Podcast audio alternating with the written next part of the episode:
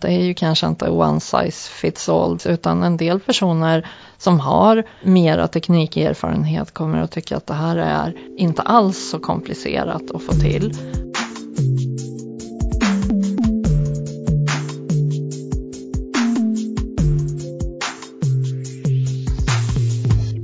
Hej och välkommen till det 63 avsnittet av FoU-podden.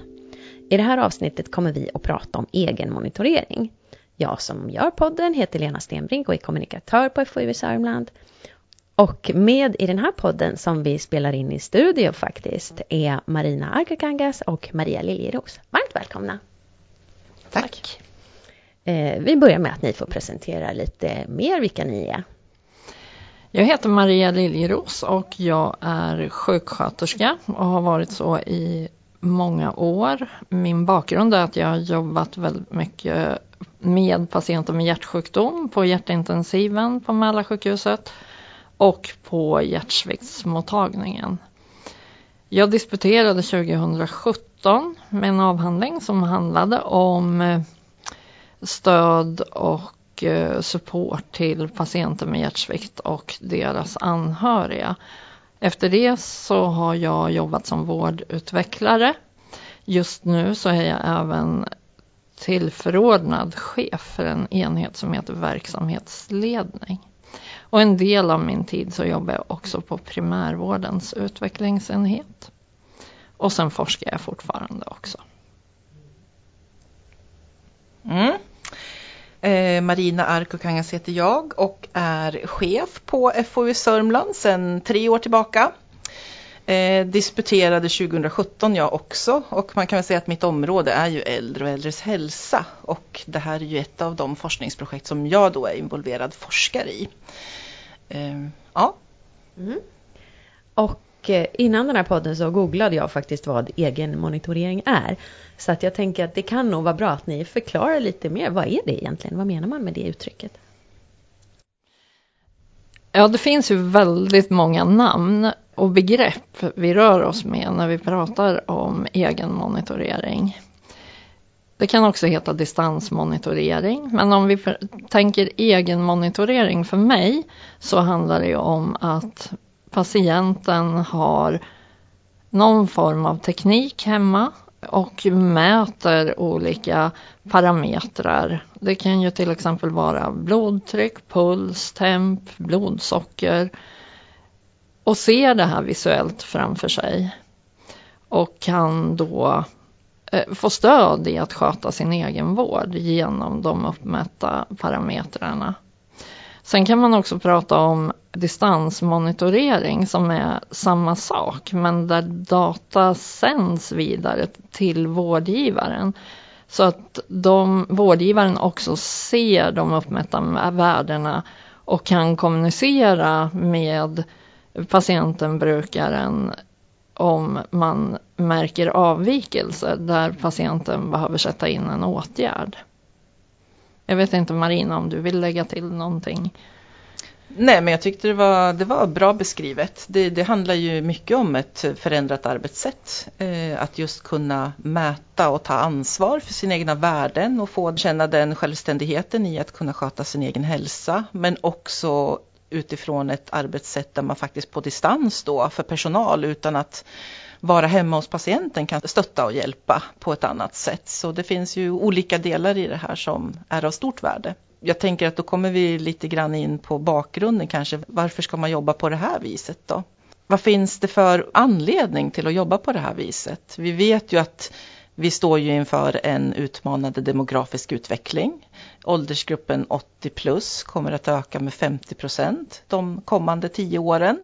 Och vi vet ju också att personal inte kommer att räcka till. Så det finns olika delar i det här som är viktigt att faktiskt också utvärdera om det här är ett bra sätt att jobba på som kan vara en framgång. Och det man kan, tänker jag, lägga till där är ju att i och med att vi blir äldre och äldre så kommer vi också sista delen av vårt liv att leva med ett antal kroniska sjukdomar. Och ju fler diagnoser man har, ju klurigare blir det ju att sköta sin egenvård. För att även om vi inte vill det och det är det optimala så är ju vården fortfarande väldigt stuprörsformad och varje vårdgivare hanterar sin diagnos. Men patienten ska ju leva med alla dessa diagnoser och få ihop det på bästa sätt. Så att få hjälp med sin symptommonitorering oavsett om man bara får det visuellt för sig själv eller om man får hjälp via distans kan underlätta väldigt mycket. Mm. Ja, och man tänker ju också att det här är ju inte till för alla.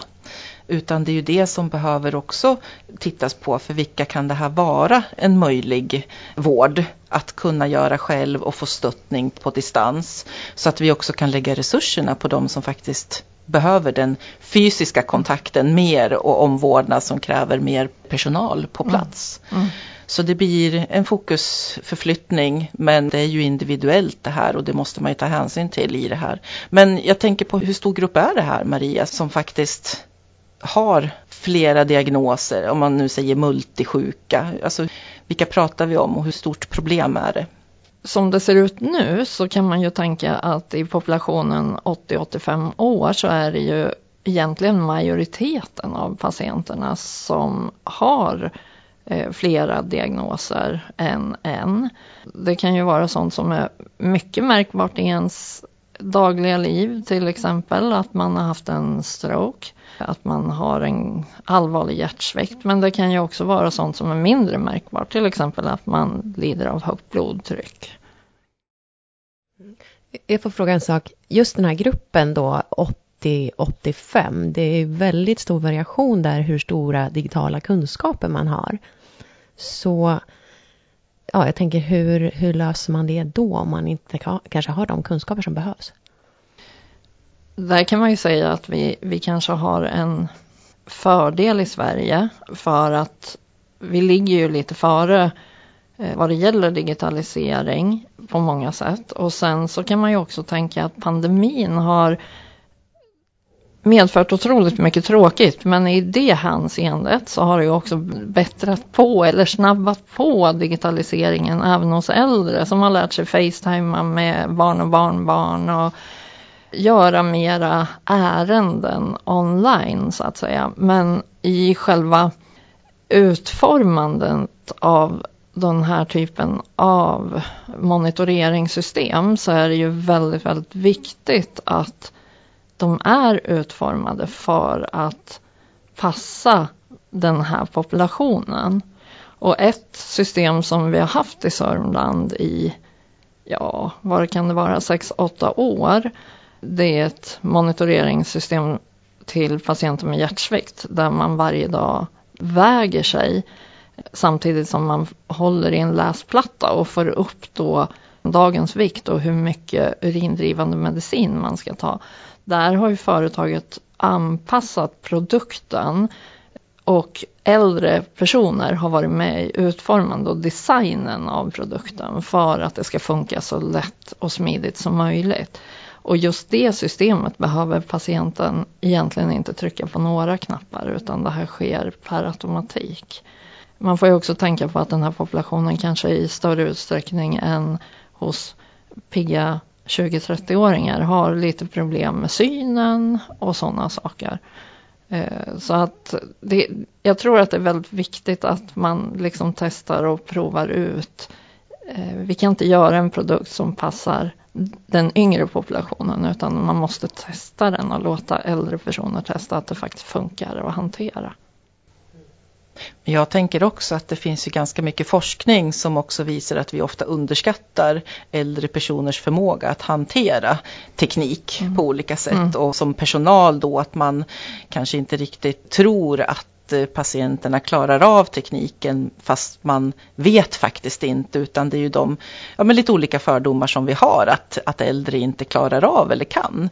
Men, men där finns det rätt mycket skrivet om att eh, äldre faktiskt har det. Men sen finns det alltid en grupp som är utanför. Eh, mm. Så är det, ja. som inte har kommit så långt. Och det måste man ju ta, ta hänsyn till mm. när man utformar och, och testar såklart. Mm. Men utbildning är ju viktigt. Men kan man tänka att eh, den gruppen som inte är så bra på teknik blir mindre och mindre ju längre tiden går därför att de äldre är mer vana att använda teknik? Ja, det tror jag. Jag skulle nog våga säga att det är så eftersom det, det liksom är ju någonting som vi har med oss och när vi, när vi åldras. Jag tänker att när vi är 85 år gamla så kan nog majoriteten av oss hantera teknik mm. när vi kommer upp. Så det där är ju en övergångsfas. Absolut, det håller jag helt med om. Nu är ju det här projektet, den del som ni håller på med, ett forskningsprojekt av det här. Så hur utvärderar ni i det här projektet?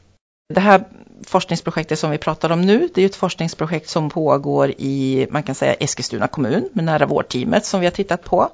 Och eh, det finns ju lite fördelar med det teamet eftersom där är ju både kommunen och regionen representerade i samma lokaler. Och eh, därför så har man valt att testa det där först för att det, det, underlättar lite grann när man redan jobbar gemensamt. För det är just det som är utmaningen, det är ju när det finns två vårdgivare, regionen och kommunen. Och eh, ett sånt här system gör det lite mer komplext på grund av att det faktiskt är data som också skickas genom rymden till en server som ska ner till den här, eh, vad ska man kalla det, ändstationen, plattan som personalen kan läsa av. Men just det här projektet som Maria och jag följer nu och tittar på, där är det lite olika faser och vi är nu i fas 1 där vi både har eh, kartlagt eh, intressenter, alltså vilka är involverade i det här, hur viktigt det är att ha med alla nivåer från politisk nivå till högre chefsnivå, medarbetare, IT-avdelningar och personer som krävs för att det här ska kunna gå till. Jurister. Eh, jurister eh, på ett bra sätt. Så vi har ju sammanfattat lite där vilka som är viktiga att ha med sig. Att man liksom har den stöttningen bakom när man då startar ett sånt här projekt som involverar många och som är ja, men som kan vara lite känsligt och lite liksom banbrytande. Eh, sen har vi intervjuat personalen som jobbar i det här nära vårdteamet och innan eh, man sätter igång med det här. För att vi tänker att det är viktigt att veta hur de tänker, vilka förutsättningar behövs för att man faktiskt ska kunna jobba på det här viset utifrån erfarenhet av att jobba med med teknik, inte bara nu när vi pratar om äldre här, vad de har för erfarenhet, det, det är ju en variation bland bland yngre också förstås i alla åldrar. Eh, så då har vi intervjuat då de här personerna och eh, ställt frågor kring hur de ser på det här och vi kan komma in lite på resultaten sen men det här är ju första steget då i det här. Och sen är ju tanken att nu under våren så, så kommer den här tekniken att vara på plats i hemmet hos de här multisjuka äldre då som är inskrivna i nära vårdteamet för att vi då ska kunna följa då, gör vi mätningar före och efter för att se på vilket sätt kan det här vara en framgångsfaktor att använda ett sånt här typ av arbetssätt. Så det är lite olika faser i det vi gör. Och vi kan ju, eh, om man inte känner till nära vårdteamet så kan vi ju lägga till att de som arbetar där det är läkare, sjuksköterskor, undersköterskor och också paramedicinska specialiteter. Och Vissa är anställda i regionen och vissa är anställda i kommunen. Men man jobbar tillsammans på ett väldigt interagerat sätt, vilket är ja, ganska unikt. Det finns inget annat team som jobbar likadant i Sörmland och knappt i Sverige vad vi känner till.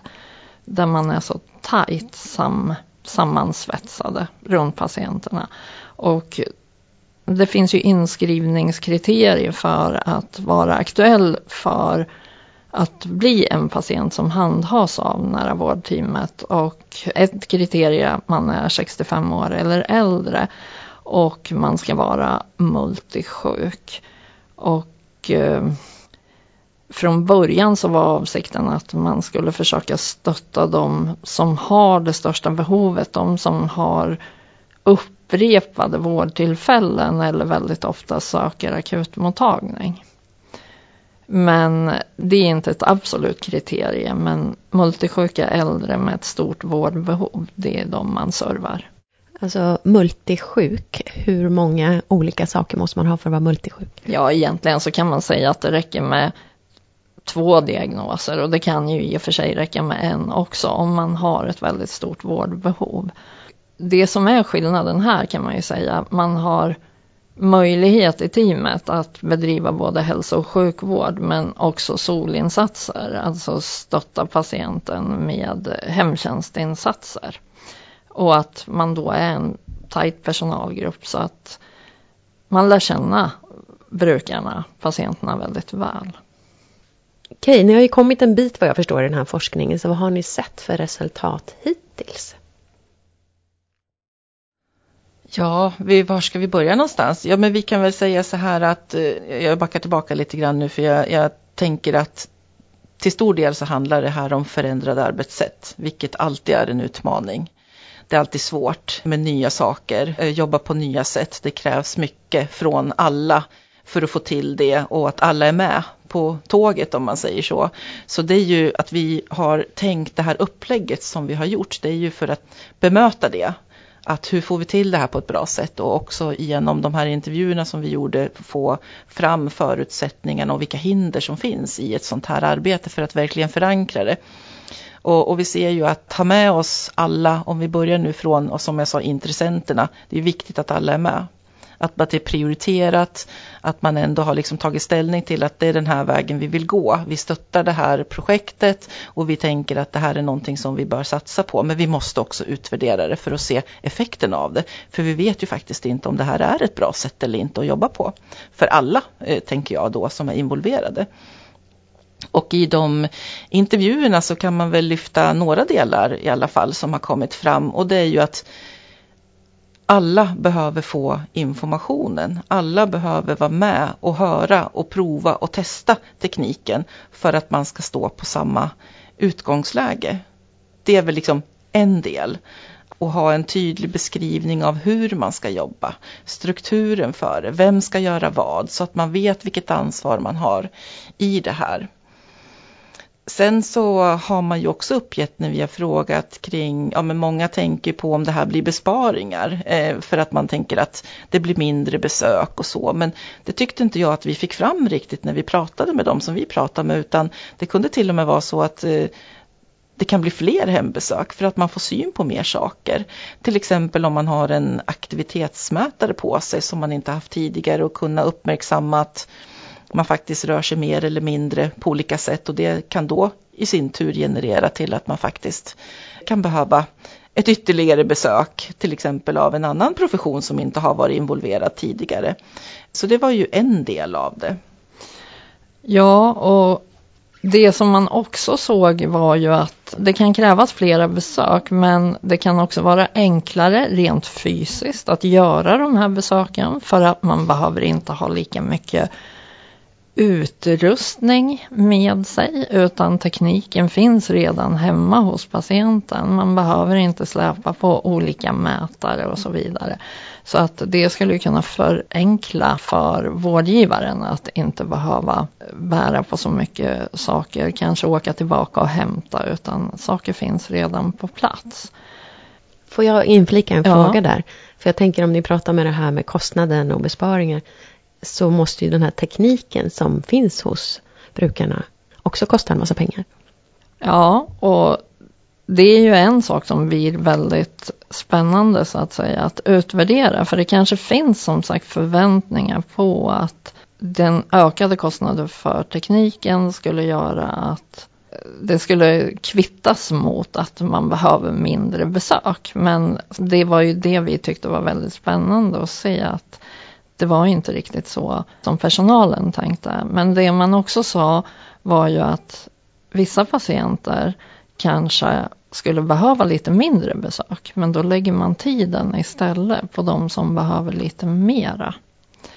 Så att det var inte så att man såg att, ja, jo i och för sig så var, kom det väl också fram i vissa intervjuer att vi kanske kan ha flera patienter inskrivna.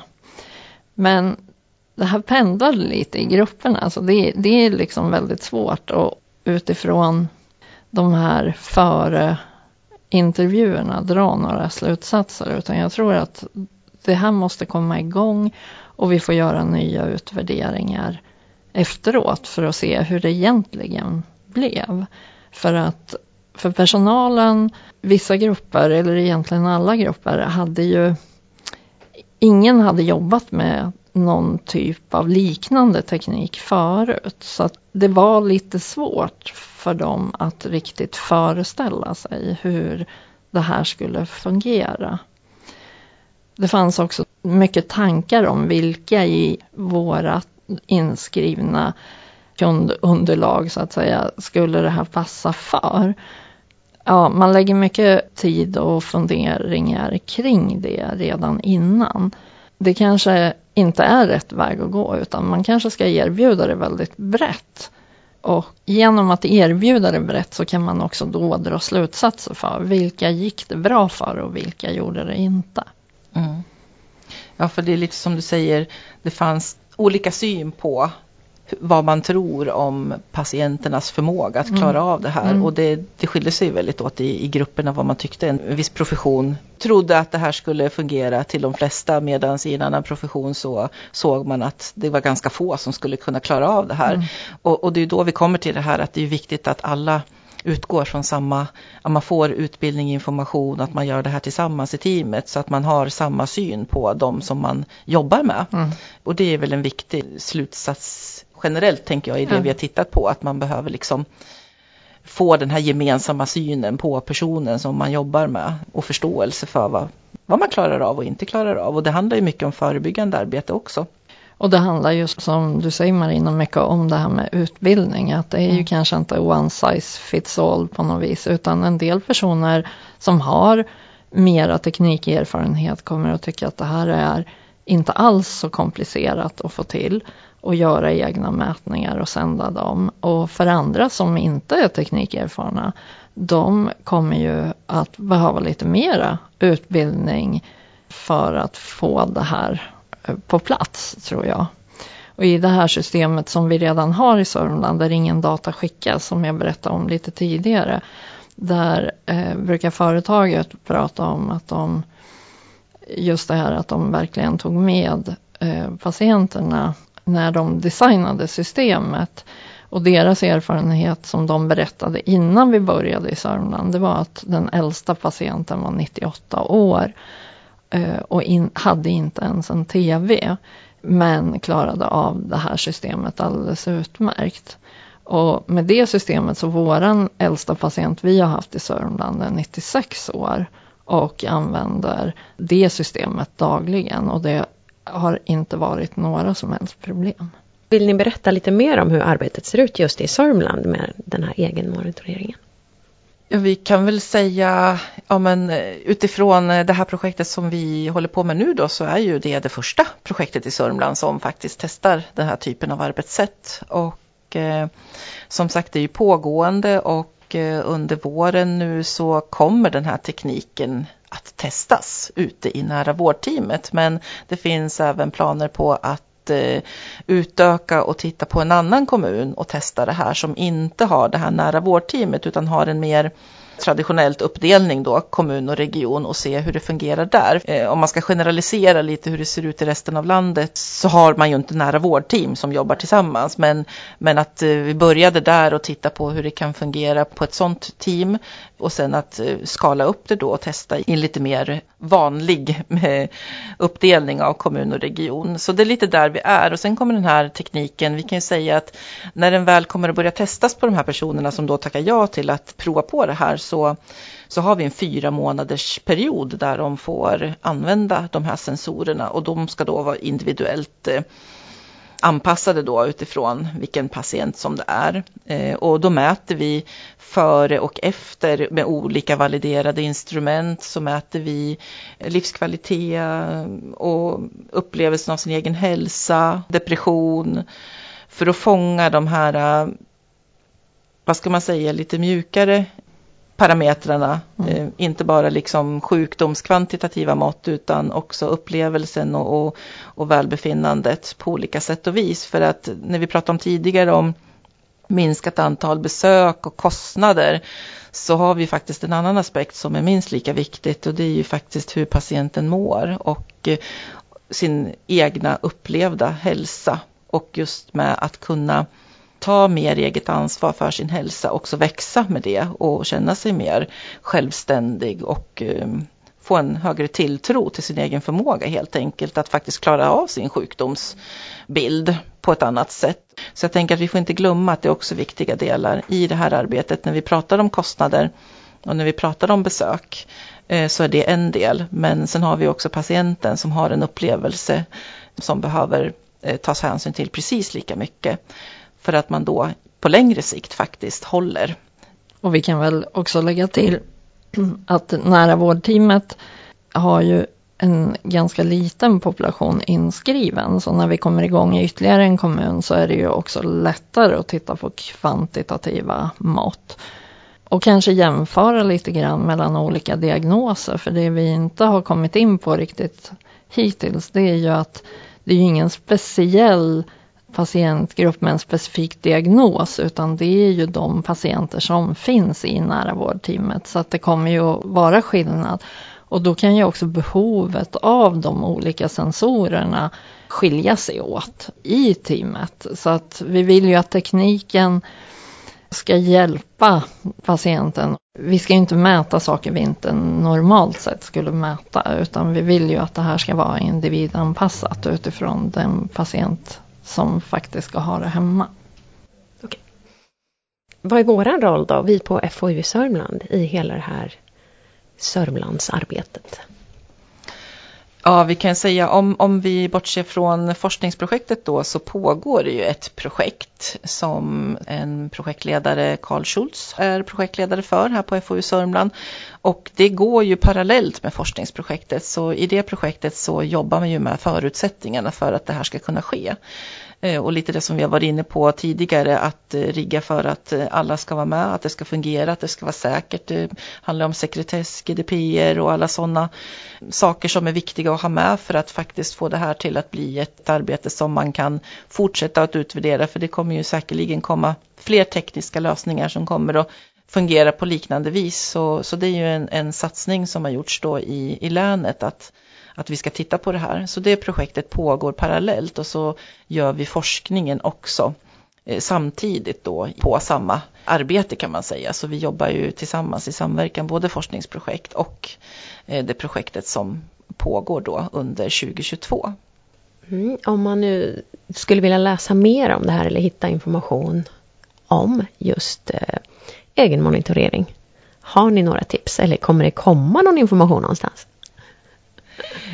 Ja, men jag tänker så här att eh, det är klart att det finns information och vill man veta mer specifikt om just eh, det här forskningsprojektet så är man ju välkommen att kontakta Maria Liljeros eller mig om man är nyfiken. Eller kontakta Carl Schultz som är projektledare då för eh, det man kan säga övergripande projektet kring egen monitorering i Sörmland.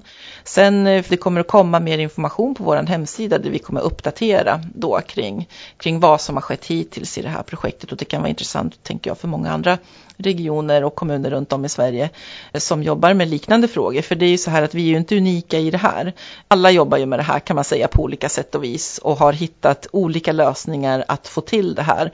Men det är ändå ett komplext eh, arbete att börja och jobba på det här viset. Så det, det finns ingen generell lösning för hur man jobbar med distansmonitorering eller egen monitorering. Så vitt jag vet i alla fall. Men men vi är väl på god väg tänker jag och då behöver man göra det här lite grovjobbet och, och dyka ner i olika saker för att säkerställa så att vi faktiskt gör det på ett etiskt och på ett säkerställt sätt. Och det, det är ju mycket det som vi känner att där vi kom in för att det är ju som Marina säger väldigt många regioner som jobbar med olika typer av system. Man kallar det projektform Just kanske för att det finns mycket juridik kring det här med dataöverföring och så. Men vi ser att det är väldigt viktigt att man också utvärderar det här evidensbaserat genom att beforska området. Det behövs också, inte bara kliniska utvärderingar. Mm. Absolut, du sa ju nästan egentligen det som var viktigast nu att vi behöver ju faktiskt ta reda på om det vi gör är bra eller inte.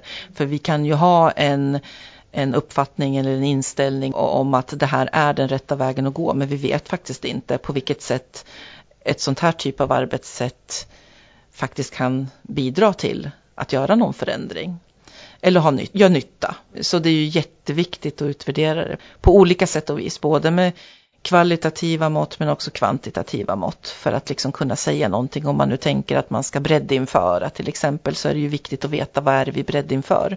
Eh, vad, kan vi, vad kan vi räkna med i slutändan att vi får för effekter av det här resultat. Och bra för vem? Det ska ju helst vara bra för så många som möjligt. Och det vi faktiskt inte har nämnt det är ju att i vårt forskningsprojekt så kommer det ju att ingå både personal av alla personalkategorier, användarna, alltså patienterna, men också anhöriga. Men har ni några indikationer än så länge på hur det har påverkat användarnas mående? Nej, det har vi ju inte i det här projektet eh, eftersom de som faktiskt ska använda systemen inte har fått det utplacerat ännu. Det har ju inte driftats än så att säga. Eh, om vi tittar på det här systemet som vi har använt ganska länge för hjärtsviktspatienter som jag har varit inne på förut så har vi också beforskat det och om man tittar då på användandet efter tre månader så såg vi att det var en väldigt hög användargrad. 93 procent använde systemet dagligen. Vilket är väldigt högt när det gäller sådana här saker som man då inte skickar så att någon annan identifierar om man inte använder det eller, in, eller använder det. Och vi såg eh, i det systemet, precis som i det system som ska provas i den här studien, så finns det också patientutbildning inbyggt. Och och eh, vi såg att kunskapen om hjärtsvikt ökade signifikant. Man läste, man tog del av den här informationen och man skattade också en högre grad av kontroll över sin diagnos. Så det är de erfarenheter vi har, men då är det inte riktigt samma patientgrupp. Ja, men jag gör lite medskick här, lite reflektioner utifrån det arbetet som vi har gjort och det vi har sett hittills. Det är ju jättevikten med individens för egna förmåga att se resurserna hos den personen som vi ska jobba med. Att förebyggande arbete är ju viktigt och det har vi också sett när vi har intervjuat att där finns det ju mer att göra. Och där kanske vi med hjälp av det här kan komma ett steg framåt att faktiskt jobba mer förebyggande. Men också det här med gemensamma utbildningar, samma syn på patienten, gemensamma utbildningar, att vi står på samma plats när vi påbörjar någonting. Men också att man talar med varandra. Och då tänker jag i det här fallet och mellan professioner, att man mm. pratar med varandra så att man, att man har en gemensam samsyn. Men också ledarskapet är viktigt, att kunna samordna det här och, de, och leda personalen mot ett nytt arbetssätt och de nya utmaningar som kom, kommer med det. Och det är ju det här som jag tänker skapar förutsättningarna att ha med de här olika delarna i förändringsarbetet. Jag tänker inte invända mot någon av dina reflektioner. Det kan understryka och kanske lägga till. Det, det är vikten att ta med personalen tidigt. Att det finns tid, att, att man känner sig involverad i hela processen så att det finns tid att skapa nya rutiner för det är mycket sånt som behövs. Det som man tidigare har gjort manuellt eller data som har inhämtats manuellt och man har ett sätt att hantera. Det kräver lite andra tankar och arbetssätt nu. Eh, och det är viktigt att det här får mogna och man får liksom tänka hela flödet i, i lite lugn och ro för att det här ska landa väl. För på något sätt så kan man väl kanske tänka sig att om vi ska få patienterna med oss så är det ju viktigt, vår egen mentala inställning som personal. Om vi inte tror på det så kommer vi inte att få våra patienter och brukare att göra det heller. Klokt. Sen tänker jag också att vi får inte glömma att Eh, tacka faktiskt SKR, Sveriges kommuner och regioner, för vi fick faktiskt medel där initialt för att starta upp det här projektet. Så det gav ju en förutsättning faktiskt att det här forskningsprojektet kunde sätta igång. Ja, det är vi mycket glada för. Mm. Ja, jättespännande sen att se hur det går med allt det här. Men eh, då får jag tacka så jättemycket för att ni ville vara med och berätta om egenmonitorering. Och eh, till dig som har lyssnat så vill jag säga tack så jättemycket för att du har lyssnat på det här avsnittet av FoU-podden och hoppas förstås att du även vill höra nästa avsnitt. Ha en jättebra dag.